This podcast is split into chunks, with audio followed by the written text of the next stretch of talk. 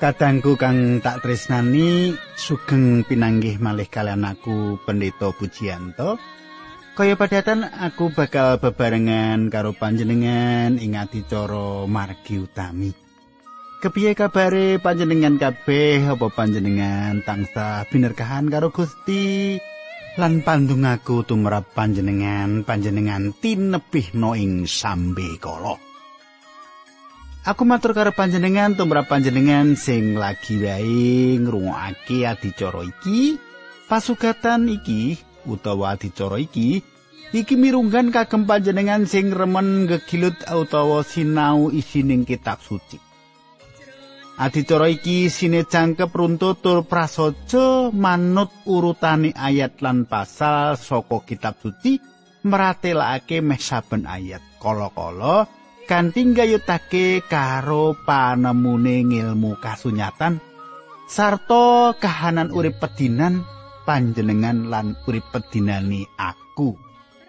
Utamane ing babagan-babagan paneliti ing tata kasukman. Nah katanggu ayo nyerak aku kini. Panjenengan bakal ngisi babagan-babagan roti kasuwargan kang dadi kekuatan kita. Bebarengan. Sugeng midhangetake adicara iki.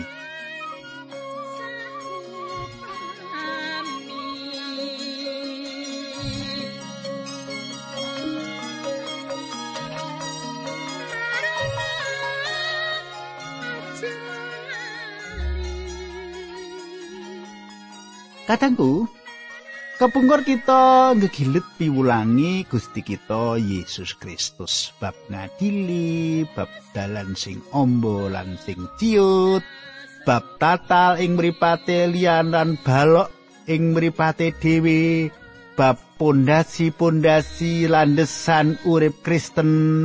Mangkono. Nah, ing kiaran iki panjenengan ndak ajak bebarengan karo aku rerembugan.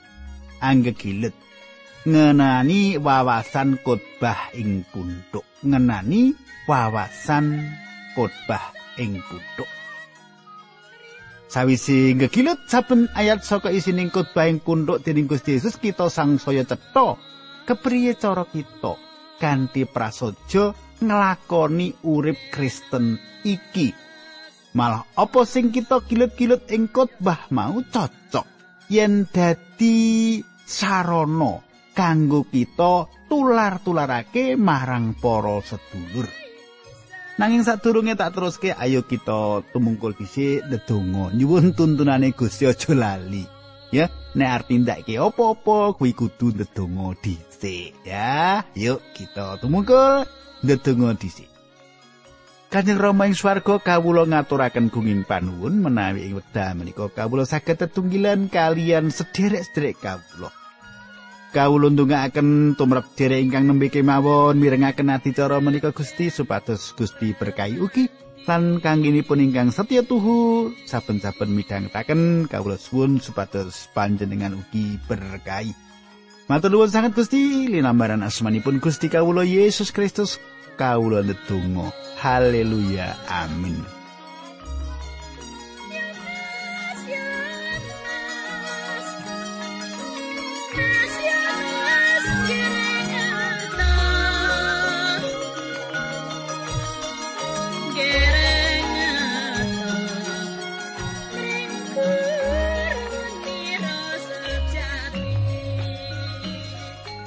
Para pamirsa, sepisan maneh aku ngaturake dumateng panjenengan. Sawise angge kilut saben ayat saka isining khotbah ing puntuk dening Gusti Yesus kita sangsaya cetha kepriye cara kita kanthi prasaja ngetrapake urip kaya sing dikersakake Gusti ya kuwi nglakoni urip Kristen iki Malah apa sing kita gilut-gilut ing khotbah mau cocok pian dadi sarana dadi bahan kanggo kita tular-tularake marang para sedulur. Ana tulung bab sing bisa kita sinau saka isine khotbah ing pundhuk mau sing diagem dening Allah kanggo mrentah kanggo paring dawuh kanggo ngendhaleni kanggo nguasani kahananing menungso sing sepisan yaiku tatanan Torat utawa paugeraning Torat utawa hukum Torat Hukum Torat iki panjenengan pirsa ditulis dening Nabi Musa. Mesine panjenengan isih eling yen ing purwaning dumadi bab pitu Gusti Allah kepareng numpes sekabehing manungsa. Isih eling panjenengan? Purwaning dumadi bab pitu Gusti Allah kepareng numpes nyirnakake sakabehing manungsa kajaba mung Nuh lan keluargane. Sing dadi pitakonan yaiku gene kok Gusti Allah ngantek duka Yasin iki kenapa? Pitakoni kan ngono. Nggih Pak, kula tangkel ten dos pundi Pak puji menika? Ya, tak terangno. Tunggu sik kepenak. Nggih. Nah, perwaning dumati 6 ayat 5. Tak wacake engko tekan ayat 6 ya. Ngene. Bareng Gusti Allah perso gedhe ning durakane menungso ing bumi lan saobah Gusti ing atine selawasi Allah wae. Ing kono Gusti Allah kedhuwung nganggone nitahake menungso ning bumi Gusti Allah cuwa ing penggalih. Mengkono pangandikane Gusti. Manungsa wis ndurakani Gusti Allah. Nuli nalika manungsa ndurakani Gusti Allah gawe duraka marang Allah. Gusti Allah paring paukuman. Paring paukuman. Lah, saka no sak keluargane iki mengko sing bakal duwe turun sing dadi bapa sing dadi lajer saka bangsa-bangsa ing bumi sing bakal dadi seksi ing ngarsane Allah. Cetha ya? Cetha ya? Gampang, Yuh, gampang. Lah, saka nuh sakmargane iki mengko sing bakal duwe turun sing dadi bapa lajer saka bangsa-bangsa Gusti Allah ngersakake arep paring tanah kanggo bangsa mau lan Gusti Allah uga akarya bangsa iki dadi kaya wedi ing pinggiring segara sing ora bisa dietong meneh diwilang meneh. Apa meneh bangsa iki arep dadi berkah tumrap bumi? Sak isine kanthi paugeraning Torat Gusti Allah maringi pitedah bab kurban. Ing buku pangentasan ana mesbeh kanggo nyaosake kurban kunjuk Gusti Allah. Ing mesbah iku mratelake bab salipe Gusti Yesus. Nggambarake bakal teko mratelake bab salipe Gusti Yesus. Gusti Allah ora bakal paring pangapura marang manungsa sing ngiktiarake kurbane dhewe. Pancen hukum Torat paugerane Torat ora bisa milujengake manungsa kita akoni paugeran Torat mung nuduhake supaya luwih dingerteni dening manungsa yen sakabehing manungsa wis dosa. Paugeran Torat dadi saranane pengadilan, dudu saranane kawilujengan. Dadi kanthi cetha yen korban ing perjanjian lawas iku nggambarake pangorbanane Gusti Yesus tumrap dosane manungsa, tumrap manungsa sing dosa, marang manungsa sing dosa. Nah, Gusti Yesus rawuh, ya, Gusti Yesus rawuh lan nanting menungso supaya panjenengane dadi raja ing tengahing menungso sing dititahake, sing dicetakake nanging menungso nampik. Menungso nolak ora gelem nampa panjenengane. mitraku sing tak tresnani. Ing Injil Matius beberake yen Gusti Yesus iku sang raja. Malah isine kabeh Injil iku kudu dideleng disemak saka pangerten yen Gusti Yesus iku sang raja. Ing Injil Matius kanthi cetha dibeberake dijlentrehake yen panjenengane Sang Kristus iku kawiyosake kadidini sang raja. sugengi uga nandhakake yen panjenengane iku raja ratu sedo uga kasebat raja ratu. Nuli wungu saka antarane wong mati uga raja. Lan mitraku panjenengane bakal rawuh maneh ing bumi sing uga dadi raja dadi ratu ning ratu ratu gung pinaroro seneng aku nek nceritake Gusti Yesus iki. Wah. Wis. Sak tak terus ya. Nalika panjenengane sugeng ing tanah Israel tansah mratelakake yen aturan yen hukum sing didhawuhake beda karo paugeran beda karo hukum sing ditulis dening Musa. Paugeran Torat paugeran sing dijelentrehake mau awujud khotbah ing puntuk nek basa Indonesia khotbah ing gunung iku mau kaemot ing Injil Matius bab 5 6 Ing Injil liyane uga ana. Nanging sing paling jangkep, lengkap isine ana ing Injil Matius. Khotbah ing puntuk iku mung sawijining intisari saripati saka hukum sing isine luwih jembar lan luwih jeruk. Contone, Gusti Yesus mundut rong prakara saka hukum Torat. Lan saka piwulang sing diparingake marang para murid gegandingan karo hukum Musa, hukum Musa malah diajeni, diregani, dinilai luwih dhuwur tinimbang ing perjanjian lamas. Yen ing perjanjian anyar ditulis yen sing sapa nesu marang sedulure iku padha karo mateni, ing perjanjian lawas ora ngono. Yen wis ngeser wanita sing dudu bojone wis dianggep laku jino karo wanita mau. Upamane iki penyakit wis nulari perangan wong ing donya iki. Kadutut atine karo wanita sing dudu bojone kuwi padha karo wis laku jino. Kadangku pangiraku Ora akeh wong lanang sing ora ketularan penyakit iki. Rada ngisini-sini yen penyakit iki bisa nular marang para pelados, para majelis, malah bisa nulari para pendeta barang kalebu aku pamane. Ana crita ngene. Eh, ana crita ngene. Ana sawijining wanita Kristen sing ayune tumpuk undung. Wah, ayu banget. Kondo. Yen ana wong lanang sing mripate ora kedep nalika nyawang dheweke. babar pisan idepe wae ora obah, manike ora obah. Wong wadon iki kuwatir saka pandelenge sing ora kedhep iki bisa dadi jalaran wong lanang mau nyedhaki lan ngrodo peksa dheweke.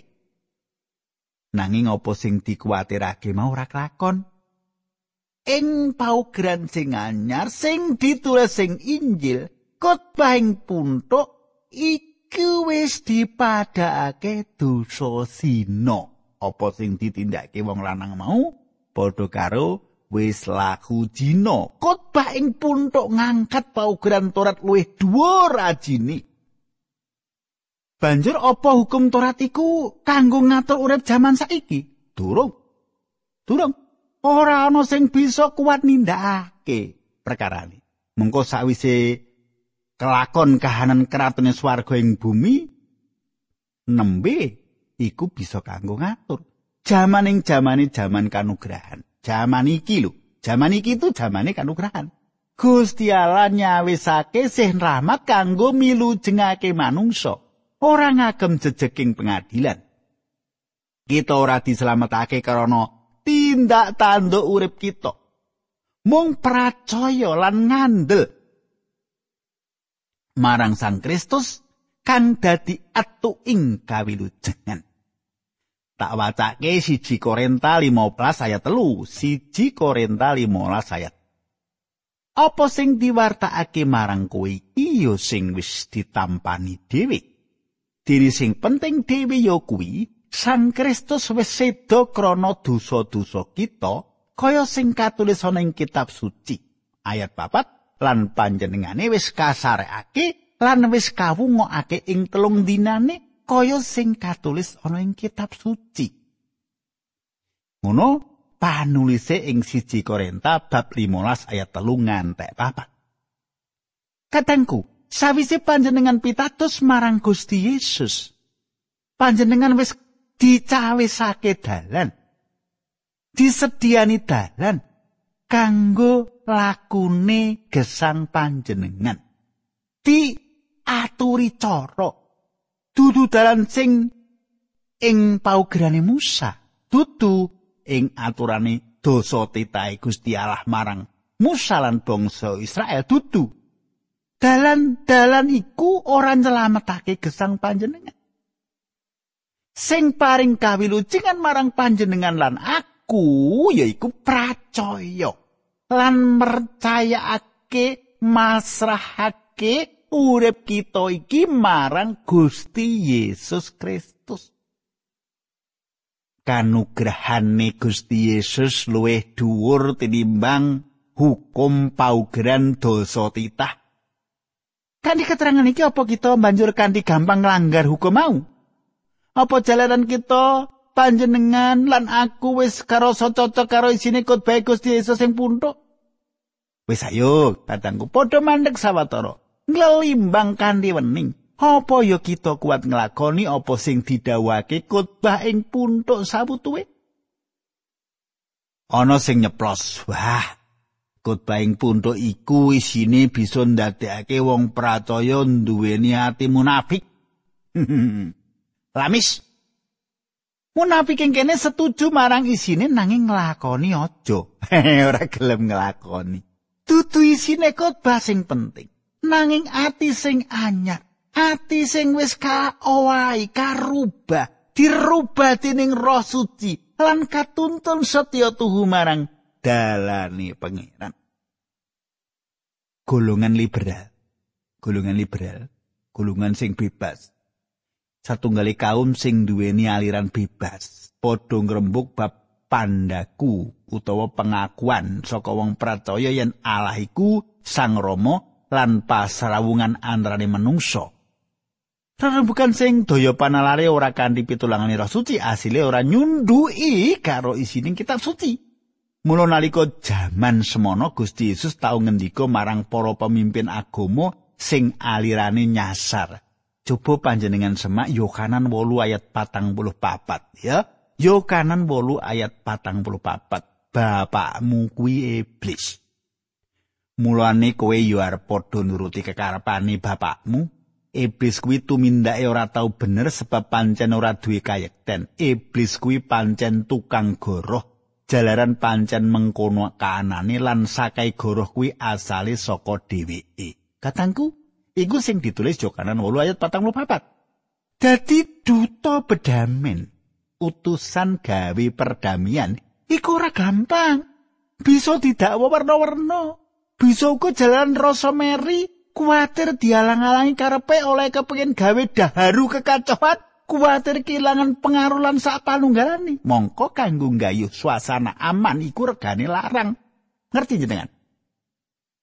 mayuta yuta duit kanggo budidaya rasa tentrem ing saindenging donya apa kasil dorong malah sing kedadian dredah dredawi nek basane Indonesia pertikaian dumadi dredah ana ing ndi kanggo gayuh kahanan tentrem rahayu bisa kelakon yen diwiwiti saka atine menungso dhewe. Atine manungsa kudu dirubah dadi ati sing rukun karo sak pepadane. Ada dasar rukun karo panjenengane Allah. Gusti Yesus ngendika bab atine manungsa.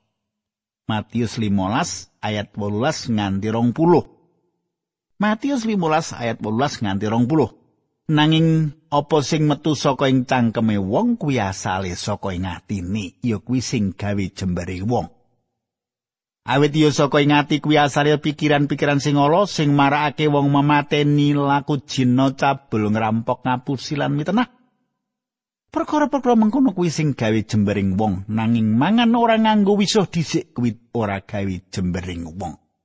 Katangku, yen atine menungsa rusuh tumindake uga rusuh. Yen atine wis diresiki dening Allah pakartine uga resik.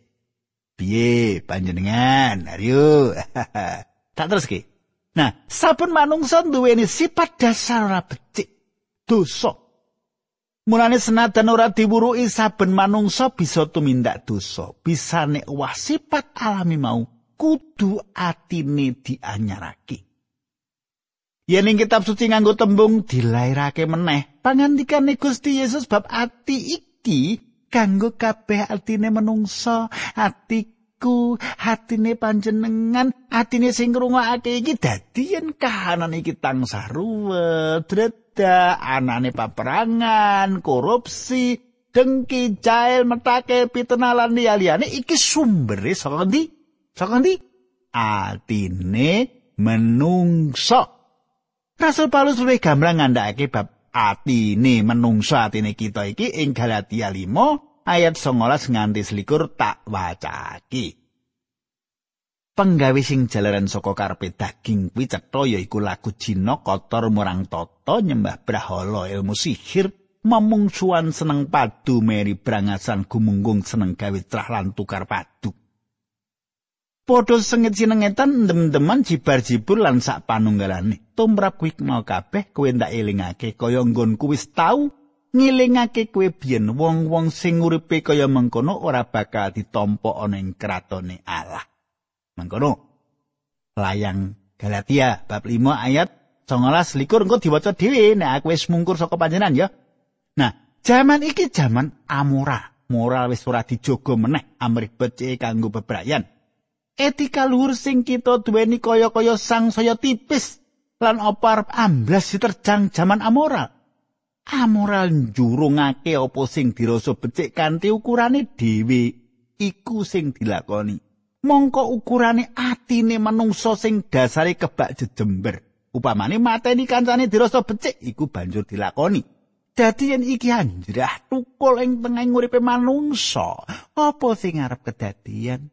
kaya uripe kewan dosa titah diparingake dening Allah kanggo ngendhaleni atine manungsa nalika semono atine manungsa sing kapilih nyingkur lan ninggalake kapitayani marang Allah ewa semono manungsa ora kuwagang nampa lan nuhoni pepakene Allah iki katanggu jalaran manungsa ora kuwagang ngendhaleni atine mula kudu pasrah marang pitulungane Sang Roh Suci sebab pakaryane Sang Roh Suci nuntun manungsa marang pakarti kang becik Coba panjenengan waos. Galatia 5 ayat 23 nganti 23 ngene. Dene woe panuntuning Sang Roh Suci ya kuwi katresnan, kabungahan, katentreman, sabar, sareh, sumlondoh, kabecikan, setya, andhap asor nguasani awake dhewe. Ora ana angger-angger sing nglawan perkara-perkara sing mengkono mau. Mengkono pangandikane Gusti, kadangku katresnan ora bisa tukul ing ati kita ngono wae. Sebab ati kita wis gupak dosa lan ora ana hukum utawa aturan sing bisa ngasilake woh sing indah iku mau kabeh kadangku kepriye bisa ngasilake woh sing andhap asor katentreman lan liyani coba panjenengan eling-eling apa dawe khotbahing puntuk Matius 5 ayat 5 Bejo wong sing andhap asor awit bakal padha tampa prasetyane Gusti Allah. Katengku, dinane iki andhap asor ora bisa nampa prasetyane Allah. Urip senenging papan, papan paparingi, andhap asor malah dadi objek panindesan. Mengko yen Gusti Yesus wis rawuh, kanyatan iki bakal kawujudan. Kaya dene Sang Kristus sing andhap asor nalika ing bumi, mengko sawise rawuh sing kaping pindho bakal ngregem kuwasa kagem mimpin kratoning swarga. Nanging kepiye urip kita saiki? Apa wis kinanten roh suci sing bisa ngasilake urip arupa katresnan, kabungan, katentreman, sabar, sare, sumlondo, kabecikan, setya andhap asor nguasani awake dhewe. Kadang mung Gusti Allah piyambak sing bisa paring sih rahmat iku.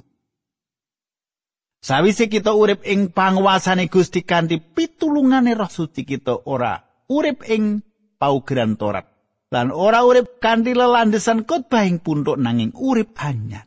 Urip sing kanugrahan dening bab-bab sing endah kanggo napaki urip ing tuntunan lan berkah sing diparingake kanthi luber ing urip kita. Kabeh sing kita lakoni ing urip wis ora rumangsa kecancang ing aturane hukum lan aturane utawa liyane. Nanging wis bisa lumaku kanthi sukarana. Katuntun dalan sing bener ing asmani Gusti Yesus Kristus. Lubering roh suci ing ati kita ngandut kekuatan pasrah urip sawutu ing ngarsane Gusti, urip kanthi lelados marang panjenengani. Lan nampi kekuatan bisa ngetokake woh sing migunani kagem kaluhuraning Gusti. Muga kanthi kegilutan sing wis panjenengan cicipi bisa atur padanging penggalih lan pirsa apa wewadine khotbah ing puntuk sing disabdakake dening Gusti kita Yesus Kristus. kita tinggalane kegilutan iki kaya patrape mudhun saka ing puntuk kanthi nggawa pangerten anyar urip katuntun ing roh suci. Kadangku muga panjenengan binerkahan. Ayo ndedonga. Matur nuwun sanget Kanjeng Rama dene paduka sampun nuntuni kawula. Kawula pasrahaken wonten ing asta paduka gesang kawula supados saged luhuraken asma paduka dinambaran asmanipun Gusti Yesus Kristus kawula ndedonga Haleluya. Amin.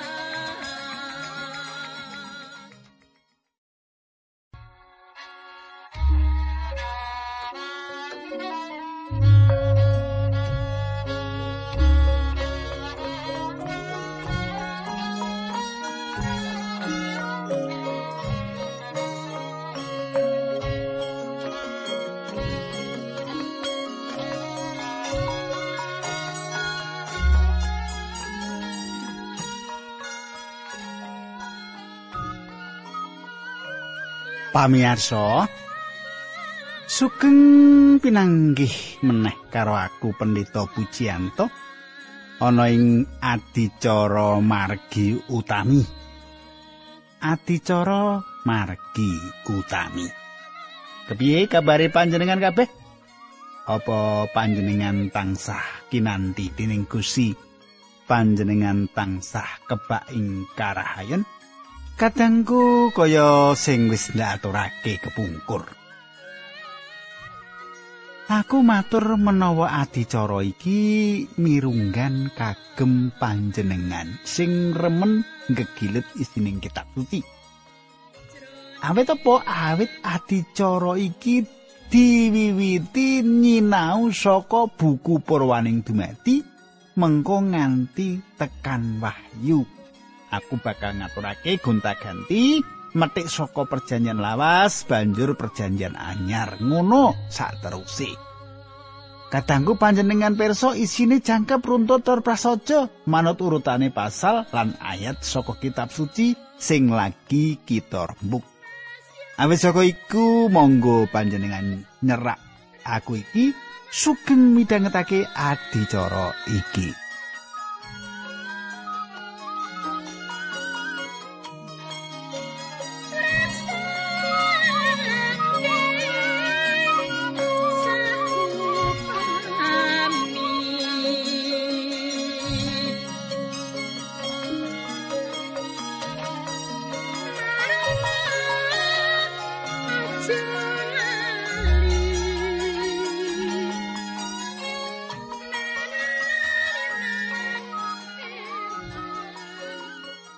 Katengku ing kiaran kepungkur panjenengan wis kasegahan bab sedekah. Pandonga sing diwulangake dening Gusti Yesus kanggo kita lan uga poso. Isi ana meneh siji sing wigati kagem panjenengan bab kuatir. Panjenengan lan aku wis duwe pengalaman kuatir iki yo. Piye rasane wong kuatir? Apa ngendikane Gusti Yesus bab kuatir iki? Apa kira-kira? Nah, sadurunge tak teruske ayo kita ndedonga dhisik. Kanjeng Rama ing swarga kawula ngaturaken gunging panuwun. Menawi wekdal menika kawula saged tetunggilan kalian sederek-sederek kawula ingkang mituhu dawuh pangandikan paduka ingkang kangen dawuh pangandikan paduka. Kawula nyuwun paduka jebati adicara menika Gusti kanthi makaten menapa ingkang kawula aturaken menika dados berkah lan kegiatan kangge sedaya sederek kawula ingkang mireng adicara menika. Linambaran asmanipun Gusti Yesus Kristus kawula ndedonga. Haleluya. Amin.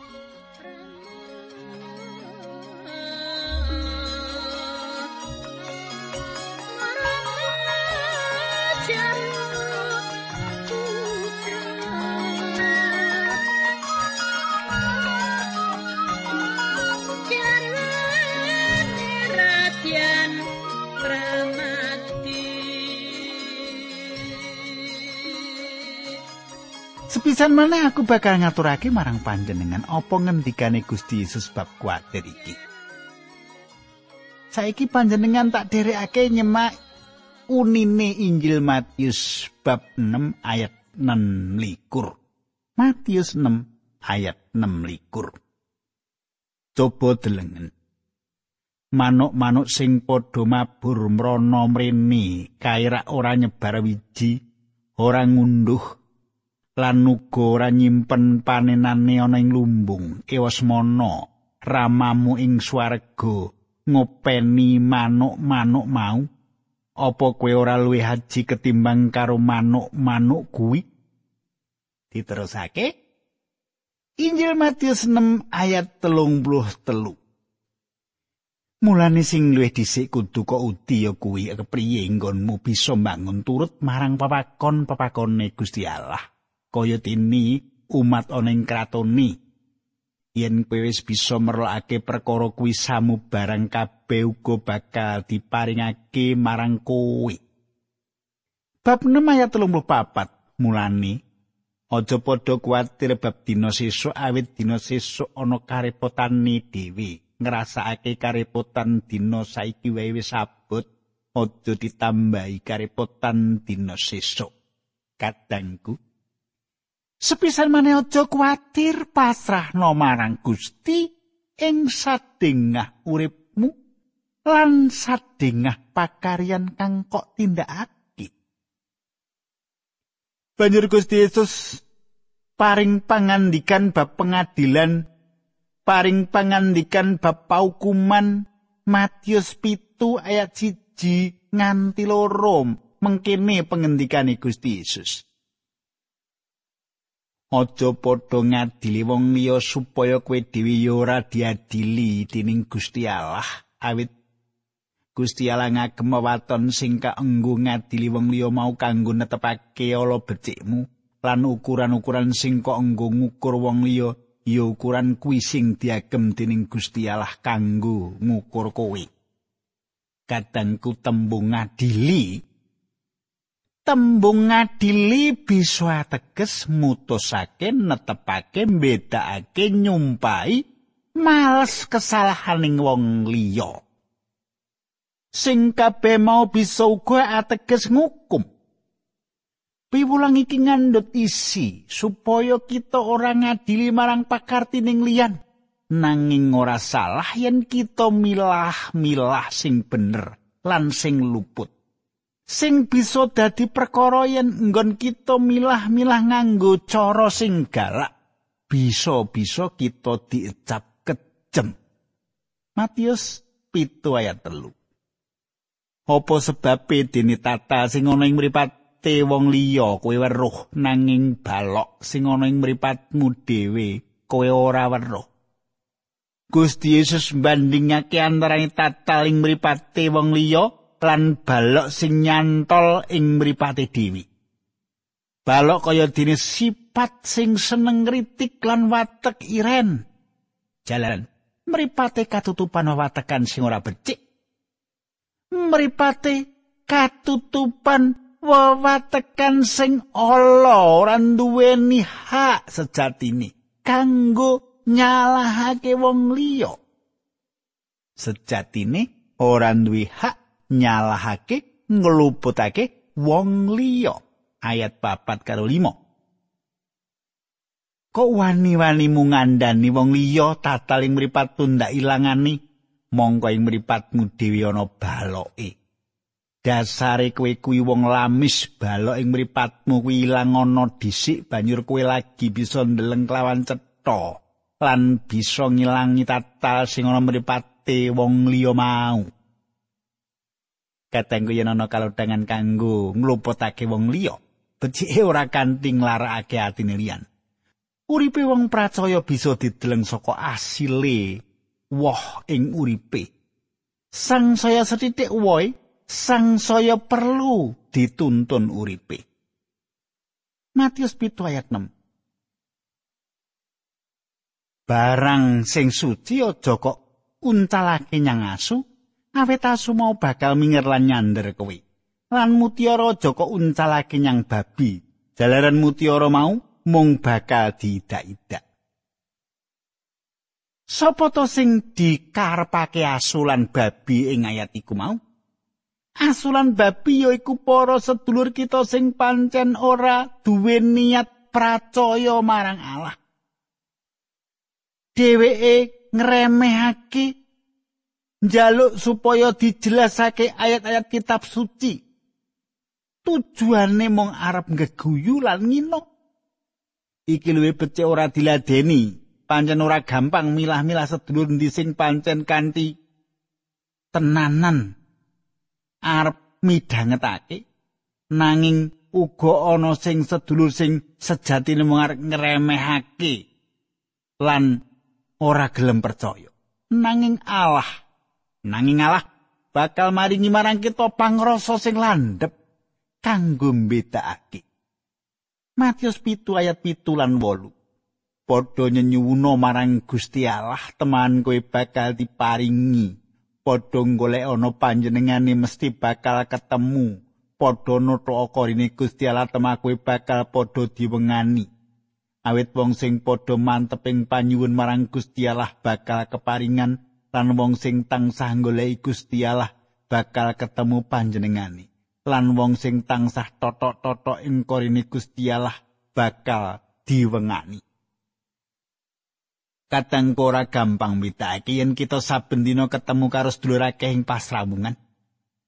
Kala-kala ketemu karo pangeran, kala-kala ketemu karo wong melarat sing kinurmatan, brama corah lan sak panunggalan.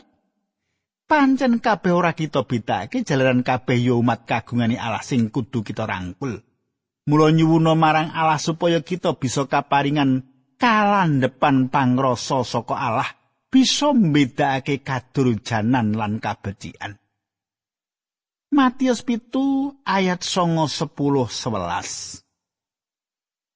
Opo panunggalanmu ana sing dijalui roti anake kok wenehi? Utawa menehi ula yen anake njaluk iwak? Senajan kowe ala kaya apa kowe padha ngerti menehi barang sing becik marang anak-anakmu? Apa maneh Gusti Allah ramamu ing swarga? panjenengane bakal maringi barang sing becik marang saben wong sing nyenyuwun marang panjenengan. Ing pasal iki uga ana paugeran kencana. Paugeran kencana Matius pitu ayat 13. Apa sing kok karepake supaya ditindakake dening wong liya marang kowe, kuwi tindakno marang wong mau, ya kuwi sarini angger-anggering Torat sing diwulangake dening Nabi Musa lan nabi-nabi liyane. Kadangku yen dijiwit krasa lara, ya aja njiwit marang liya. Wong dijiwit bengok-bengok ngono kok seneng jiwiti wong liya. Yen kepengin entuk umat, utamakno wong liya. Mula kanggo ngadepi pasrawangan sing jembar kita kudu ngati-ati yen pancen yen isih grayah-grayah atine liyan luwe becik nyuwun marang Allah kanthi pandonga. Allah maringi janji nyuwun nggoleki nuli notok lawang Gusti bakal mengakake lawangi berkah marang panjenengan. Matius pitu ayat telulas nganti 14 Podho mlebu metu lawang sing ciut awit lawang sing ombo lan dalan sing jembar kuwi anjok ing neraka. Mongko ake wong sing padha milih dalan mau kosok baline. Lawang sing ciut lan dalan sing rumpil kuwi anjok marang kauripan lan mung setitik cacahe wong sing milih dalan kuwi. Ana gambaran dalan loro sing siji jembar mulus. Sing siji ciut lan peteng. Endi sing kudu dipilih? Ibarate kaya corong lambene ombo nanging wusanane dalane ciut peteng. Kaya gambare urip sing umbar-umbaran ora ana pathokane wusana klebu ing pepeteng. Lah yen mlebu saka bolongan sing ciut wusanane ketemu lowahan sing ombolan bairo kaya dene uripe wong pracaya sing sarwa petungan supaya ra oncat saka angger-angger. Lan apa kersane Gusti sing wusanane bareng wis katimbalan swaning ngarsane Allah nampa papan sing umber lan nyang semaki jalanan keparingan urip langgeng ing ngarsane. Gusti Yesus ngendika nanging tekaku iki supaya spiro sing nilingake suaraku padha urip sajroning kaluberan Yohanes 10 ayat 10a tak teruske Matius pitu ayat 15 nganti 16 padha sing ati-ati ana nabi-nabi palsu. Wong-wong mau padha nekani kowe mindo-mindo wedhus gembel. Monggo sejatine asu ajak sing galak. Katitike wong mau saka penggawini apa ana tetukulan ring ngetokake woh anggur lan apa ana rerungkutan ngetokake woh ora. Kadangku gereja lan para wong pracaya diilingake dening Gusti supaya ngati-ati marang asu ajak sing kudungan lulang wedhus gibas. Mbebayani banget. Saiki ayo maca loro Petrus loro ayat siji. Kaya dene dik biyen nabi-nabi palsu padha jumedhul ana ing antarané umat Gusti Allah. Mengkono uga besok bakal ana guru-guru palsu padha jumedhul ing antaramu. Wong-wong mau bakal padha nyelundupake piwulang-piwulang penasaran. Sing gawe rusak wong-wong kuwi bakal nyelaki Gusti sing wis nebus dheweke. Lan srana mengkono nekake karusakan sing ora kenyono-nyono marang awake dhewe. Kadangku kita bisa ndeleng saben woh sing dihasilake dudu omongane lan ajarane. Matius pitu ayat selikur, rolikur, telulikur. sing dadi umat ana ing kratone Allah kuwi dudu anger wong sing matur marang aku Gusti Gusti.